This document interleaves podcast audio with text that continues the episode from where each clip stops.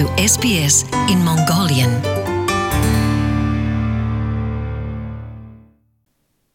За сонсогч та бүхнийхээ энэ өдрийн амар амгалан айлтган мэдчилж байна. Та бүхэндээ өнгөрөгчсөн сараас эхлээд Австрали улсад монголчууд маань ямархуу төрлийн ажил хөдөлмөр эрхэлж оршин сууж байгаа. За энд амьдарч байгаа монголчуудынхаа туршлагаас сурал дугааруудыг хүргэж байгаа лээ. 3 дахь буюу сүүлийн тусгай дугаарын маань зочноор Австрали улсад амьдарч байгаа монголчуудын холбооны гишүүн Хатан Баатар манай зочноор оролцож байна.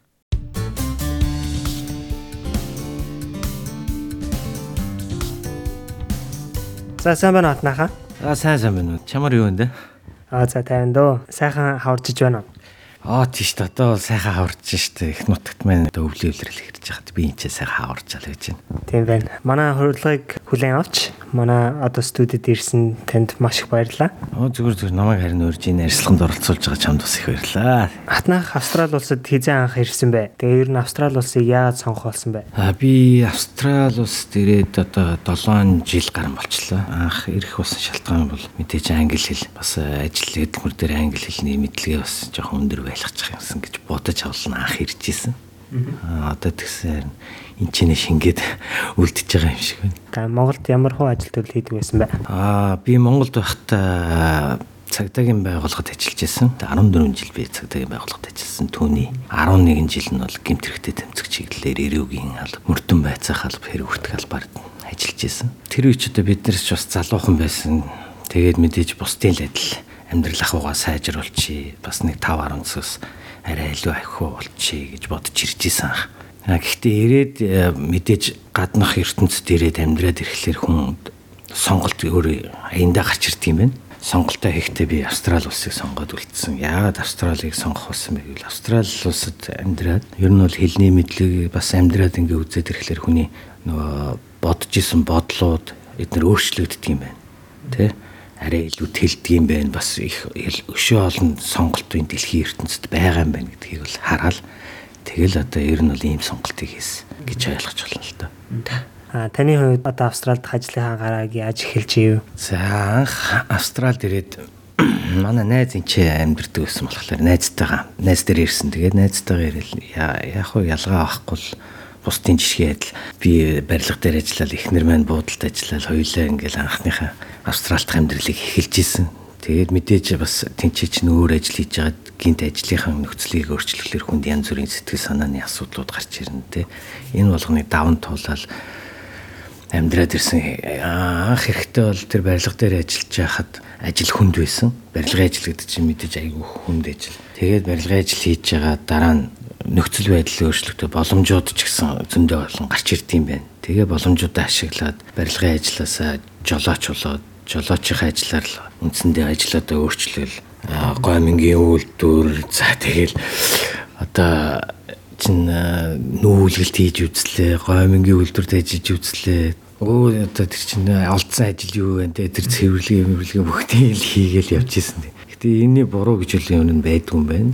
Хүн ажил хийж сурах хэрэгтэй юм байна. Багасаа бас хит бас тэгээд нэг өөр одоо нэг суугаа ажлыг хэд шүдэж амьдрах ч бас өөрөө шал димий болчт юм байна. Тэгээд өөрөө ингээ хөдөлмөрлөө хөдөлмөрийнхөө үр шимийг хүртээд ирэхлээр хүний боломжууд өшөө цаашаа нээгдээд явдаг болохоор их зүгээрээ тийм байна л гэж хэл. За одоо л одоо л яг би хэвээрээ жолооч хийж байна. Жолооч хийхдээ би махны ангилан савлах үйлдвэрт жолооч ажил хийж байгаа. Одоо бол зүгээр фул таймер тэгээ бүтэн цагийн ажил хийж байгаа. Яг өглөө 6-аа гараад өдөр 12 1 гээд ажилд харцдаг.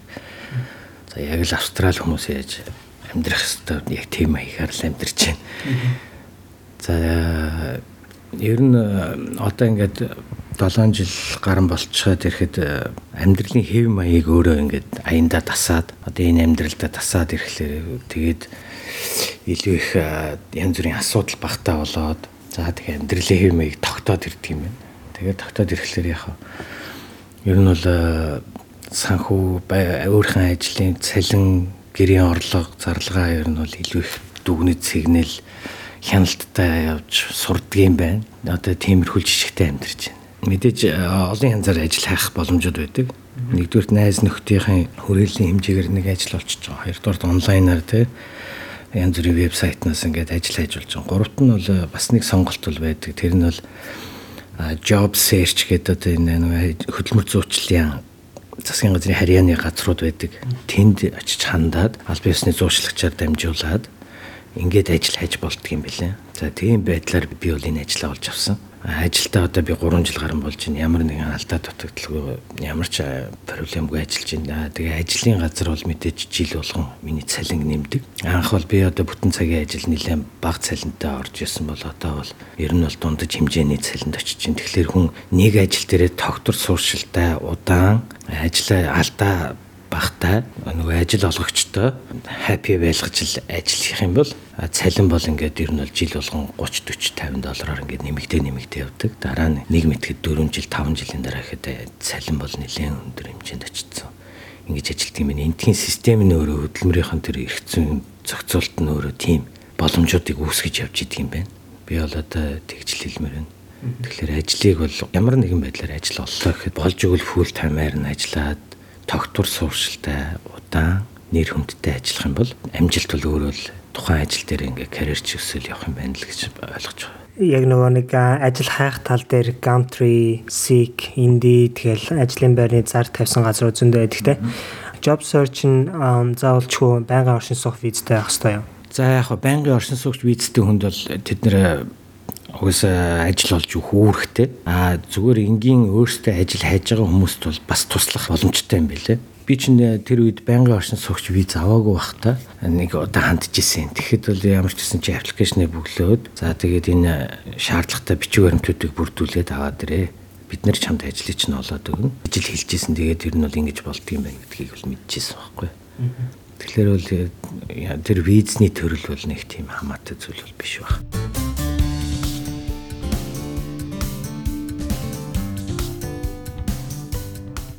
За ер нь бол ер нь бол PR виз байнгын оршин суугч визтэй хүн засгийн газрын тэр нийгмийн халамжийн байгууллага Centerlink гэж байгаа шүү дээ тий. Centerlink-д хандаад Centerlink чинь өөрөө job search гэдэг засгийн газрын байгууллага руугаа миний материалыг шилжүүлээд тэндээс нь ингээд ажлыг олж өгдөг.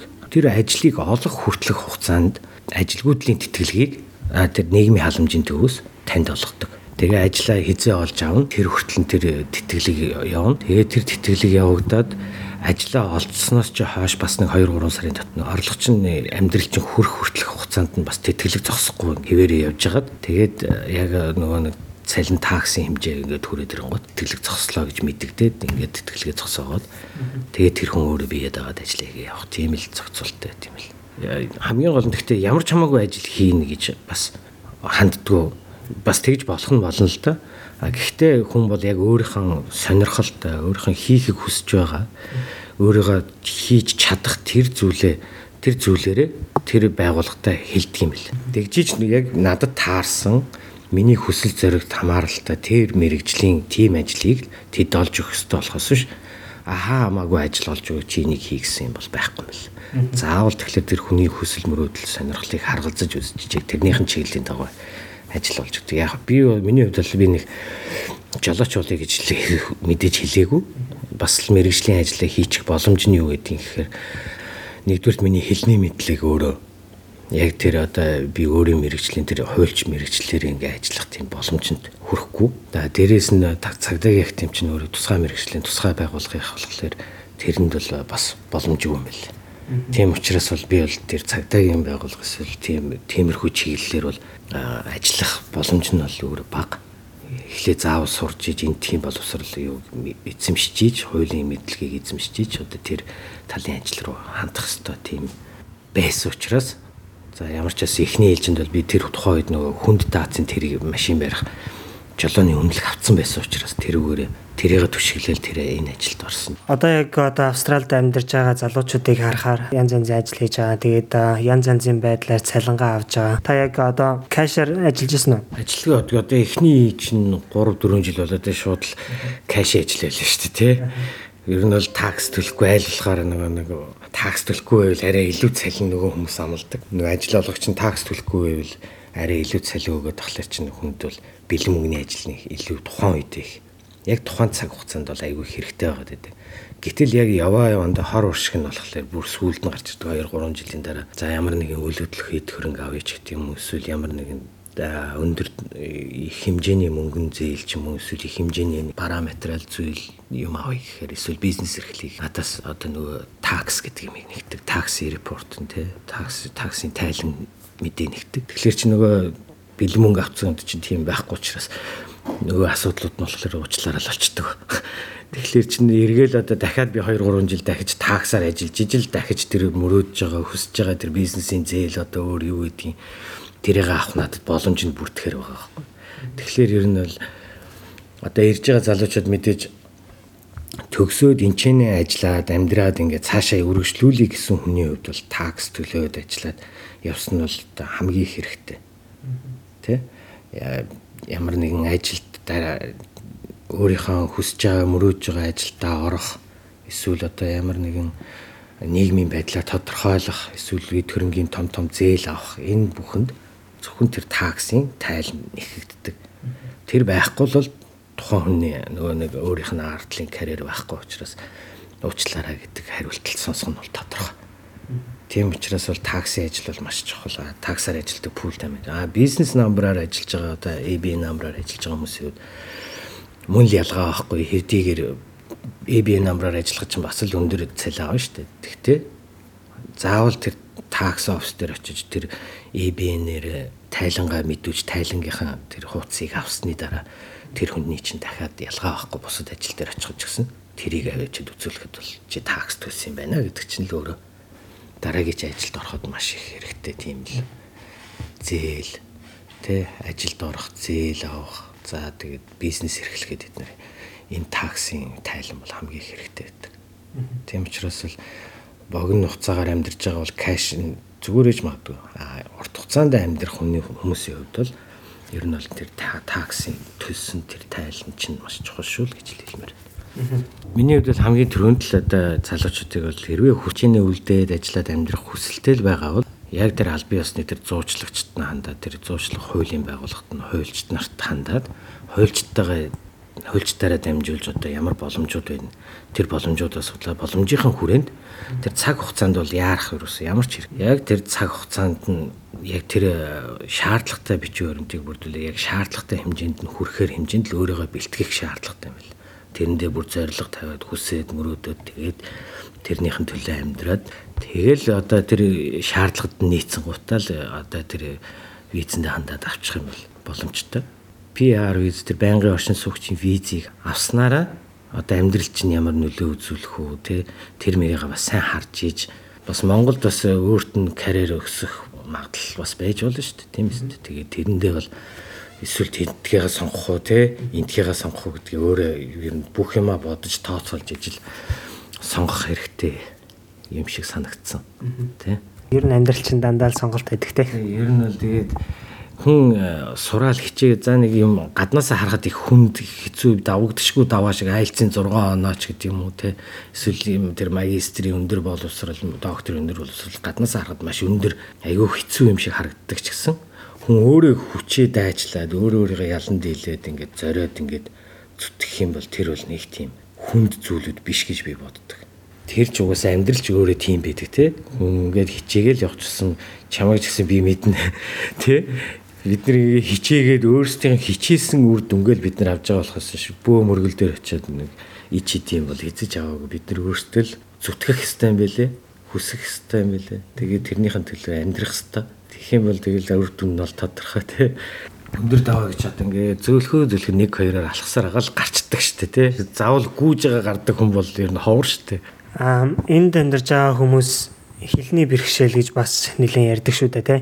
Монголчууд донд одоо англи хэлний бэрхшээл гээл одоо ярьсан хүмүүс бас цонгүй байдаг. Энд амьдарч байгаа хүмүүст одоо засгийн газрын ч гэдэг юм уу эсвэл хилээ сайжруулах гэсэн хүмүүст ямар хөтөлбөрүүд ер нь байдаг вэ? За яг хөө би өөрөө ингээл туулаад явж байгаа хүний хувьд бол хэлэхэд засгийн газраас уусаа ингээд ерөөсөө байнгын оршин суугч виз авлаа л 510 цаг бол үнгүй хэлний курс сургадаг. За тэр 510 цаг суугаад дараа нь бол дахиад цаашаа сонголттой 800 цагийн сонголт гарч ирнэ. Тэрэндээ суух уугүй юу гэдгээ бол өөрөө шийднэ. Аа гэхдээ 510 цагийг бол үнгүй аваад үр дүн чинь дараагийнх нь ажилд орох өөр одоо дараагийн хөтөлбөрт хамрагдахад шууд тэр нь нөлөөлж идэг. Тийм учраас тэр 510 цагийг авч ээж тэгээд дараа дараагийн шатанд орж идэг. Тэгээ 800 цагийн бас дахиад хэлний курс өгнө. Тэгээд одоо левел 3 4 гээд сертификат 2 3 гээд одоо иймэрхүү нөгөө нэг хэлний төвшин тогтоох төвшөнд бэлтгэх энэ курсууд явагддаг. Тэгээд энэ курсуудын дараа одоо өөрийн мэрэгжлийн сургалт сургуулаа би өөрөө яг ямар мэрэгчлэлтэй болохоо тэрийг сонгоод дахиад өргөжлөө сураад ингээл ингээд сертификат сертификатын хооронд л явдаг юм шиг надад санагдаад тэгж бодогдож байна. Одоо л яг ингээд яваад байгаа болохоор би өөрөө бол яг туулаад яваад байгаа болохоор энийг бол хараад ойлгоод байгаа. Байнгын оршин суугчийн виз авсан л бол яг заасан замаар нь яваад тахт л өөрийнхөө хүссэн тэр мэрэгчлэрээ ажиллах боломжууд бүрдэх юм байлээ. Хэлний бэрхшээл бол яг мэдээж хүн болгонд байдаг. Миний хувьд л чинь би бол одоо за мөн сайн байнугаа ч одоо элхтээ хэлж чадахгүй л нөхөр ирсэн шүү дээ. Тэгээд одоо ч нэг тийм айхтар сайн яриад байдаг ч биш л тэгэхдээ л мэдээж одоо бол э, тодорхой хэмжээнд хүнийг ойлгож чинь өөрийгөө илэрхийлж чадчих байгаа. Зүгээр миний бодож байгаагаар бол э, тийм бүрэг байх бол хэрэггүй юм байна. Одоо Европын иргэншил, Азийн иргэншлийн энэ ялгаа бол нэг тийм байдаг шүү дээ. Тэгээ Азийн иргэншлийн хүмүүс бол нэг жоо юмд номхон дөлгөөн их нома бүрэг ханддаг бол за Европ Европын иргэншилтэй хүмүүс болохоор юмд их нүүрэмгийн өөрийгөө илчлээд гаргацдаг ийм харагддаг ер нь баг амьдрал дээр тийм ч байдаг тий. Гэтэл ер нь бол бид нэр биднэрт харагдаад байгаа юм болохоор өөрсдийгөө илэрхийлэхтэй жоохон ичимхий юм уу, бүрэг юм уу гэмээр харагддаг. Өөрийгөө илчилдэг, өөрийгөө ингээд нээж өгдөг. Тэр бол ганцхан амьдрал шүү дээ. Амьдралд бол хүн өөрийгөө сайхан нээлттэй, инээдтэй, хөөртэй, баяр баясгалантай, аз жаргалтай байх хэрэгтэй тий. Тэгэхээр тэр хүнтэйгээ сайхан яг тийм хэмжээнд харьцаад ингээд бол энд бол тийм хүмүүсийг илүү их хүлээж авдаг юм шиг санагддаг надад бүрэг жоохон ингээд очист амар сайн байлаа гэхлээр одоо тэгдэг штэ аа үгүй үгүй гэж хэлждэг байхгүй тий. Тэгэнгუთ тэдний тэдний хувьд болохоор шал өөр сэтгэхүй болчдөг. Бидний хувьд бол айгүй даруухан юм шиг сэтгэхүй би гаргаж ийн гэж бид нар бол боддог. А нөгөө хүмүүсийн хувьд бол айгүй тэнийг юм шиг санагддаг нөгөө Европын хүмүүст тий. Тэр би энийг айгүй сайн гэж үнэлээд байхад энэ би үгүй би тийм сайн биш гэж ингэж яриад байх юм гээд. Тэгэхээр яг тэр чин дараа дараагийн ажил ингээд олгох дараагийн ажлыг хариуцуулах иймэрхүү юм дээр чин тэр чин эргээд өөрт нь ингээд муу нөлөө сайн байлаа чи их сайн байлаа гэвэл би чадна би бол чадна штэ гэд тэ яа тийм би ихтгэлтэй чамайг хийж харахгүй штэ. Юунд ч ичих шаардлага байхгүй гэдгийг л ер нь их ойлгомоор юм шиг санагдсан надад бол. А тэрнээс шил яг л босод орны хүмүүстэй адилхан бид нар бол чи амьдарч байна. Одоо Австрал чинь 196 орны хүмүүс 206 хэлээр ярьж амьдарч шít. Тэгэхээр бид нар бол тэдэн дотор нэх ялгараад байгаа ч юм байхгүй нэг бүр шавдралгадаад байгаа ч юм байхгүй бид нар бол яг л нэг хэмжээнд л яг тэр цагаачтай одоо тэр гадны оршин суугчтай адилхан л байгаа. Адилхан тэднэрт бас бид нартай адилхан зовлон бэрхшээл байдаг, хилний мэдлэг, за тэгэл мэддэг мэддгүй юмнууд олон байдаг. Бид нартай яг адилхан байна. Гэтэ бид нар бол нар бие биенээсээ мэдээллийг сайн авч болдог амархан тархдаг тий. А босод орны тэр олон оршин суугчтай хүмүүсийн орны хүмүүст бол мэдээлэл бол маш удаан очдог. Бидний хувьд бол их цөөхөлөх нь болохоор амнаас амд дамжихад л баг нэг хоёр өдрийн дотор бүгд мэддэг болохоор энэ бол бидний даваа тал гэж би бодож байна. Ялцчихоо одоо ажлын ярилцлаган дээр ороход ч гэсэн яг тиймэрхүү байдаг те. Аа өөртөө ихтгэлтэй Тийм нээлттэй ярих айгүй дуртай байдаг байхгүй тий. Тэгээд тэрний тэр хүнийх нь хүсэл сонирхол тий өөр юу асууж ин тэр сонирхлыг нь гаргаад тэрэндээ манад бол ингэдэж штэ тэгдэж штэ тий айгүй гой нээлттэй ингээ ярингууд тэднэрт бол бүх юм айгүй гой нээлттэй санагддаг байхгүй. Гэтэл бид нар зарим нь болохоор тэххгүйгээр ингээд нэг юм ярьж байгаа таг мөг болоод тэгээд буруу хараа суучдаг ч юм уу. Тэгээд гараа явцдаг, юу ч хэлэхгүйгээр гараа явцдаг. Эсвэл ажил хийжсэн өнөөдөр ажиллажсэн юу ч хэлэхгүйгээр гинт маргааш алга болчдөг. Тийм тохиолдол маш олон байдаг. Одоо барилга барилга дээр ажиллаж байхад бол тий өнөөдөр ингээл нэг газар ажиллаж яснаа гиг тэр оройн ч юм уу өөр газар нэг жоохон өндөр цалинтай ажил болтонгууд шууд маргаашийн ажлыг хаяад нөгөө газар нь очиж ажиллаждаг. Энэ мэн чинь хүнийг ингээд эргүүлээд яг тухайн үедээ тэр хүнд ашигтай байгаа харагдаад байгаа ч гэсэн нөгөө цааштай нөгөө газар нь бас дахиад монголчууд ажиллаж байгаа. Дахиад монголчууд ирж ажиллана гэл ингээд юм бол нөгөө хүнд ажил олгогчд муу нөлөө үзүүлээд за монгол хүн ингэдэг ийм ийм одоо нэр томьёог зүүх асуудал гарч ирж байгаа байхгүй. Хэрвээ чи ингээл өөр ажил олдож байгаа бол оройн ч юм уу те үнэн учраа хэлдэг юм уу эсвэл ямар нэгэн шалтгаан шалтгаан хэлээд тэр хүний ажлыг алдуулахгүй байх хэрэгтэй байхгүй. Тэгэх юм бол тэр хүн чинь дараагийн хүмүүст чинь нээлттэй цонхон онгорхол байж хэрэгтэй байхгүй тий. Багаар ажиллаж байгаа гэдэг ойлгохгүй тий. Тэгтэл би тэр хүний ажлыг өмнөөс нь хийх болж байгаа байхгүй. Урд нь төлөвлөгдсөн ажлыг тий. Цаана байгаа 2 3 монголчууд тэр тэр хүний ажлыг хийх болж байгаа байхгүй. Өмнөөс нь. Ингиж одоо би энд ингэж ийм саат бол байж болохгүй. Зүгээр юм шалтгаан шалтгаан гарч байгаа бол байж болно хүний амьдрал чинь тийм үст баялаг шүү дээ. За тэгтээ тэрийг мэддэгдээд хилээд явчихвал айгүй хин эндэл амархгүй болно л тий.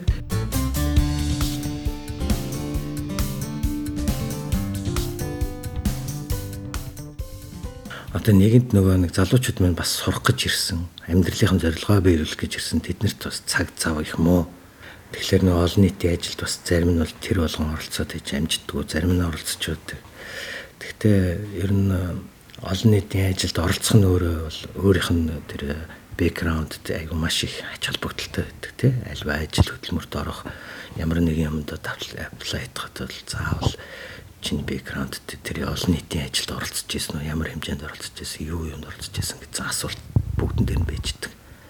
Тэрэн дээр одоо энэ бид би ийм газар ажилладаг ингээд 7 хоногийн хэдэн цаг ажилладаг тий үнгүү ийм ажиллагаанд оролцдог гэл ингээд чинь энэ чинь өөрөө оноо болж явдаг. Нэгдүгээрт олон нийтийн ажил бол. Хоёрдугаарт бол залуучуудад хандж хэлэхэд бие биендээ маш их мэдээллийг аль болохоор өгөөд тий За ийм нэг алдаа гарсан энэ дэр ийм юм гэсэн гэдэг. Энэ минь бол айгүй чухал байт юм бэлээ. А бусад орныхныг харж байхад бол тэр тал дээр илүү байт юм байна. Бас аа нэг баг болж ажиллаж сурах хэрэгтэй юм байна. Хараад хахад яг багт нэг багт ажилласан бол яг тэрэндээ тогтвортой, сууршилтайгаар яг нэг нэг яг л нэг цол шиг л одоо байж сурах хэрэгтэй юм байна. Шүүл гэж хэлмээр энэ. Манай залуучууд бол амар мундаг. Би бол өстой агуу мундаг Монгол ирчүүд бол ингээл амьдралынхаа төлөө бол ингээл энд бол жинхэнэ нэрээ үзэж шít те. А Монголд байгаа залуучууд бол яг би яг ийм хэмжээнд бол байгаа гэж би бодохгүй байна.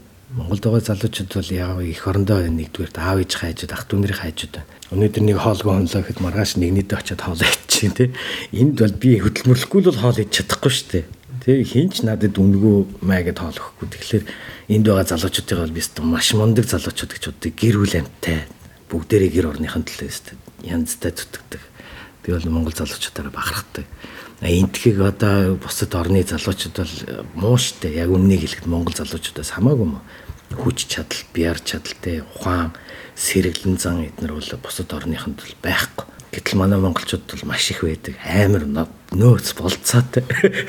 Хаашаа л хаашаа хөөрч чаддаг, тэ гүйж чаддаг. Юу л юу ч амжилт чаддаг. Юунд ч хаашаа сууддаг. Манай монгол залуучуудын хамгийн сайхан чанарууд байна шүү дээ, тий. Гэрүүлтэй, аимшигай хайртай, гэрүүлсэг. Бусад орныхонд ийм бас зан бас тэдийлэн харагддаггүй шүү дээ. Тий. Хүнд хүүтэн байдаг, зарим нь хүндий харагддаг. Гэтэл манайхан чинь үр хүүхдээ авч явал ажил хөдөлмөрөө хийгээл Тэгэл хүүхдүүдэд зугаацлал янзтай л байдаг шүү дээ амьдралаа авч явал тий. Манай эмэгтэйчүүд Монгол охтууд хүүхнүүд байна бас л мундаг шүү дээ. Өндрийн 2 3 ажил хийгээд л зарим сураад оройн ажиллаад энэ залуу хүмүүст бол энэ бол маш их туршлагыг өгж байгаа гэж би бодож байгаа байхгүй. Одоо би 40 гарч байгаа эргээд ингээ бодож байхад бол одоо тухайн үед ингээ ажиллаж хөдөлмөрлж исэн бүх тэр дадлаг туршлага бол хүнд үргэлж нөлөөлж идэм сууж идэм юм Одоо тухайд би бол э, цагдаагийн байгууллагад олон жил ажилласан. Тэр үедээ би маш их ачаалдаа хаж ажиллаж исэн. Өдрөөс шөнө болтол ажилладаг. Гэртеж зарим өдрөө хон чаддгүй нэг тийм ээ хүнд ээж штэ цагдаагийн тий.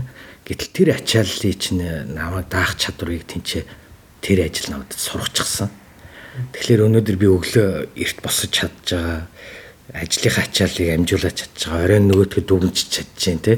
Энд чинь миний урд нь хийжсэн ажлын л миний дүн байхгүй. Тэгэхээр яг одоо бол ажиллаж байгаа энэ амьдарч байгаа залуучууд бол энэ өнөөдрийн асуудал бол маргааш хожмын хон те нэг 10 жилийн дараа 20 жилийн дараа 5 жилийн дараа энэ ажиллаж ис ачаалал чинь чамд эргээд маш сайн туршлага болж өгнө. Тэгэхээр энэ бол энэ бол өнөөдрийн бэрхшээл зовлон бол огт биш гэдгийг л хэлмээр байна. Стогой зөвлөгөө өглөө. Манай нэвтрүүлэгт ирж одоо үнтэй одоо зөвлөө залуучуудад өгсөн. Одоо өөрийнхөө одоо туршлагаас бас хуваалцсанд маш их баярлалаа. Ажилд нь бас амжилт хүсье. За баярлалаа. За.